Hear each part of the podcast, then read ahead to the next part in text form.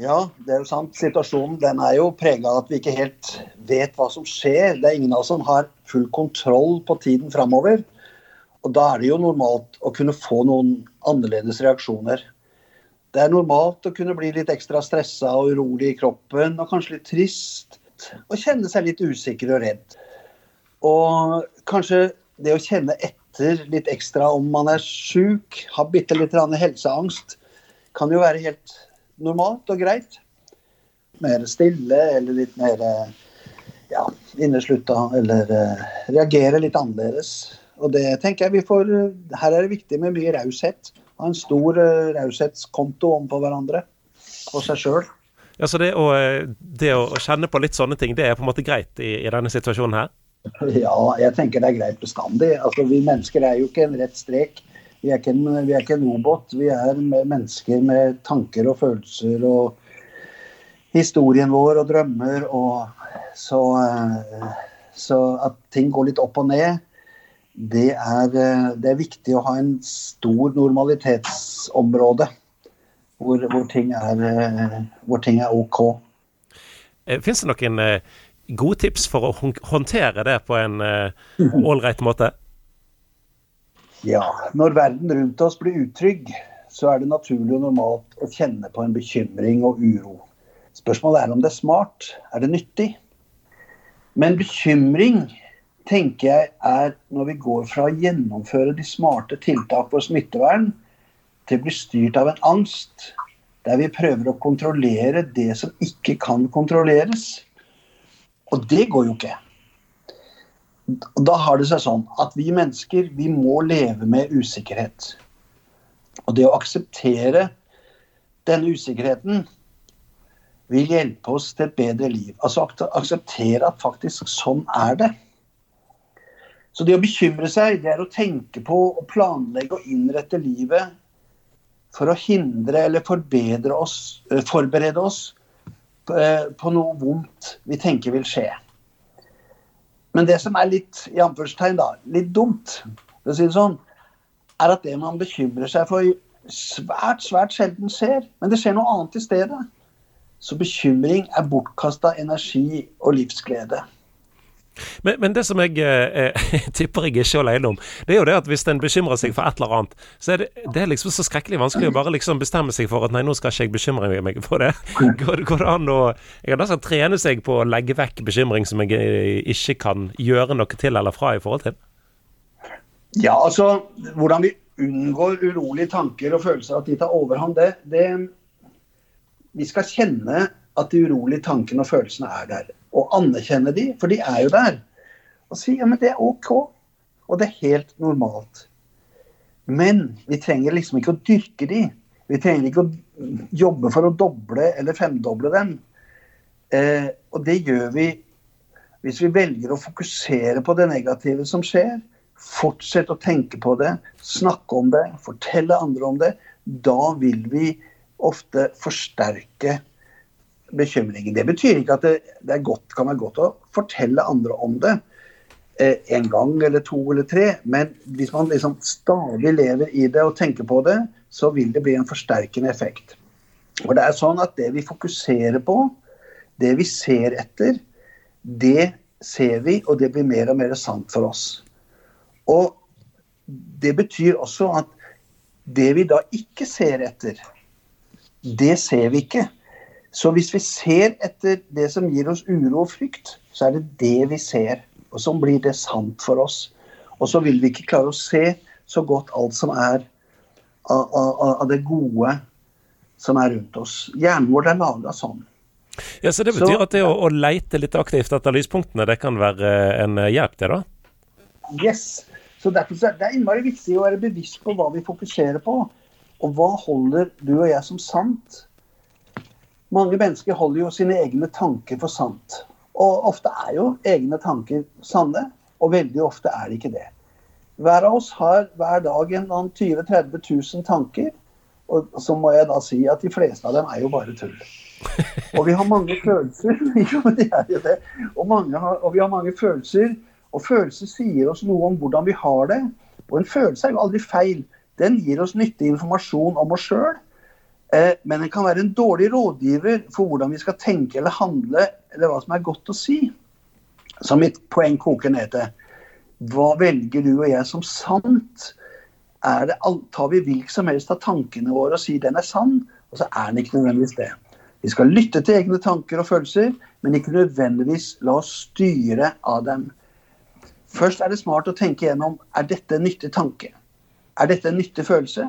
Hvis ikke, du er jo et fritt menneske, og du kan velge å ha fokus på en annen tanke om noe som skjer. Som gir, og det vil gi en annen følelse og en annen handling. Et ordspråk jeg liker godt, sier 'bevar ditt hjerte framfor alt du bevarer'. For livet går ut fra det. Det betyr sørg for å fylle opp de innerste tankene med det som er sant. For, for alle de andre tankene vi har, de vil jo påvirkes Alle de andre følelsene vi har, vil jo påvirkes av hva som sitter innerst i, i hjernen din, for å si det sånn.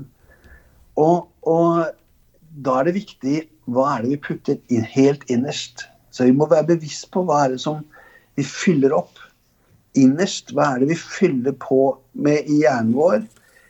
Og det var en som sa mitt ord gir deg sannhet, og sannheten gjør oss fri. Og det er mentalhygiene på sitt aller beste for det urolige sinn og den urolige kropp. Du lytter til eh, Petro, og vi prater med psykiater Øystein Elgen eh, i dag. Så snakket du om at det var lurt å sagt, fylle på med sannhet. Ja. Hvis hjernen vår var en løk, nå er den jo ikke det, men så kan vi tenke at da kan vi dra av det ene laget etter det andre på en løk. Og på en måte innerst i denne løken, der sitter de grunnleggende tankene som vi har om oss sjøl. Er jeg god nok? Er jeg verdt å elskes? Den sannheten vi har innerst der, den vil prege andre tanker, følelser, prioriteringer, hvordan vi tenker at andre tenker om oss, og, og, og sånn. Og Derfor så blir det så veldig viktig hvilke tanker som sitter på en måte innerst i denne tankeløken. Hvor kommer den, de tankene fra? Er de faktisk sanne? Er de nyttige? Gir det deg et godt liv? Eller hadde det vært smart å tenke at det er en annen sannhet som skal sitte der inne og være med å styre? Og En ting som er viktig i dette, tror jeg, som er noe av det mest endringsmuligheten vi har, det er ordet takknemlighet. En sentral måte å endre ting når ting begynner å bli vanskelig, det er å øve seg i å se etter alt som vi kan være takknemlige for. Det er en sterk endringskraft. Så det er noe med å begynne å øve seg og se etter det du kan være takknemlig for hos deg sjøl, hos mennesker som er rundt deg, nært, litt mer fjernt. Det gjør noe med oss. Jeg har prøvd det sjøl. Jeg kan si det sånn, det funker. Ja, hva konkret har du, har du, gjort da? Og så Setter du deg ned og tenker og skriver ned ting, eller hva, hva gjør du? Ja, noen, Der jobber vi litt forskjellig, tenker jeg. Noen er jo det nyttig for. Jeg har også skrevet ned. Sånn kan det være i møte med en, en, en dag som kommer. Eh, velger jeg å se etter det som er i disse tider urolig, utrygt, eller har jeg noe jeg kan se på som dette er jeg takknemlig for? Å uttrykke det, forsterke det, liksom gjenta det. Eh, du snakket om dette her med de, de innerste tankene i sted, innerste lagene i, i, løken. Hvis en har en slags grunnleggende trygghet i tilværelsen, så ser jeg jo for meg at det òg gjør en mindre sårbar i en sånn situasjon som, som eh, vi opplever eh, i, både i Norge og i verden akkurat nå. Er det mulig å ha en grunnleggende trygghet midt i en litt sånn kaotisk situasjon? Svaret er klart ja. Det er helt klart mulig. Eh, vi mennesker vi har behov, vi har et grunnleggende behov for trygghet. Det betyr vi må stole på noe. Vi må ha noe vi stoler på. Eh, og vi i Norge vi har mye å stole på.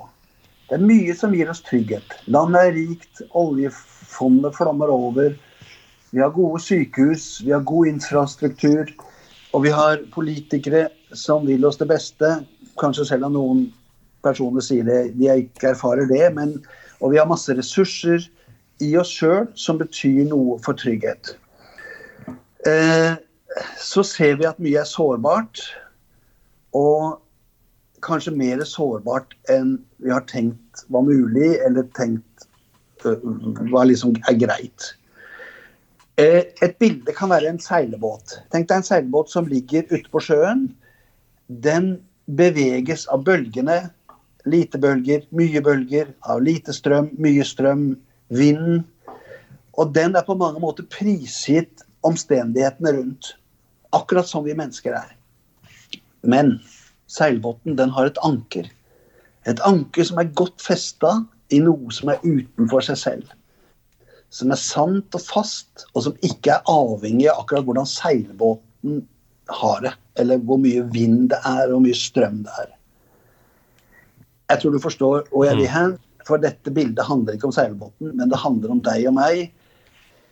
Det er, det er smart for helsa vår. Det er smart for et urolig sinn og kropp å ha dette ankeret festa utafor oss sjøl. Gud og Guds sannheter som det som er helt fast i livet. Det, det er flere ting av, av, det som du har vært innpå her, som gir meg eh, assosiasjoner til ting som Jesus sier, annet, og som ellers står i, i, i å lese i Bibelen. Dette her med fokus på å være takknemlig, eh, det å ikke Eh, bekymre seg for ting som en ikke kan gjøre noe med. Som du, du, det der er noen paralleller her til en del bibeltekster? ja, du vet mye av moderne forskning innenfor psykisk helse jo, bare viser jo sannheten i masse av disse gamle verdiene som, som er. Og jeg har vært har gjort en del studier, eller lest en del studier som, som går på nettopp forholdet mellom tro og helse. Og det er en, eh, det er en stor positiv sammenheng dersom man har en positiv gudstro. Altså tro på en gud som vil meg vel, som er kjærlig tilgivende. Da vil jo generelt sett ha, man ha, større, ha noen større ressurser som hjelper på, uh, på kriser og sykdom når det kommer. Mm.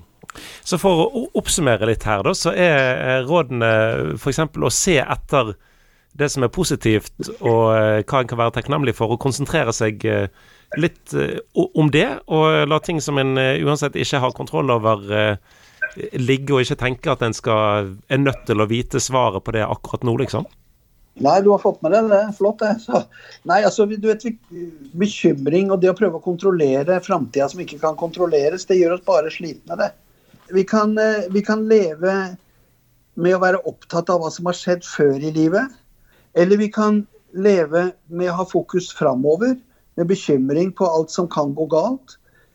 Begge deler stjeler både energi og glede, istedenfor å si at ja, men i dag er dagen jeg lever. Jeg vet faktisk ikke noe særlig om livet framover. Jeg kan planlegge, jeg kan tenke, jeg kan håpe, jeg kan drømme, jeg kan be. Men i dag er, er dagen vi lever, og da er det et spørsmål hva har vi fokus på i dag. Og så viser det seg det, heldigvis, da, at når, selv om man har bekymra seg for noe, og så skjer det noe helt annet, så viser det seg jo det at de fleste av oss har mye mer krefter til å klare når noe vanskelig skjer, enn det vi trodde på forhånd. Og det er jo gode nyheter.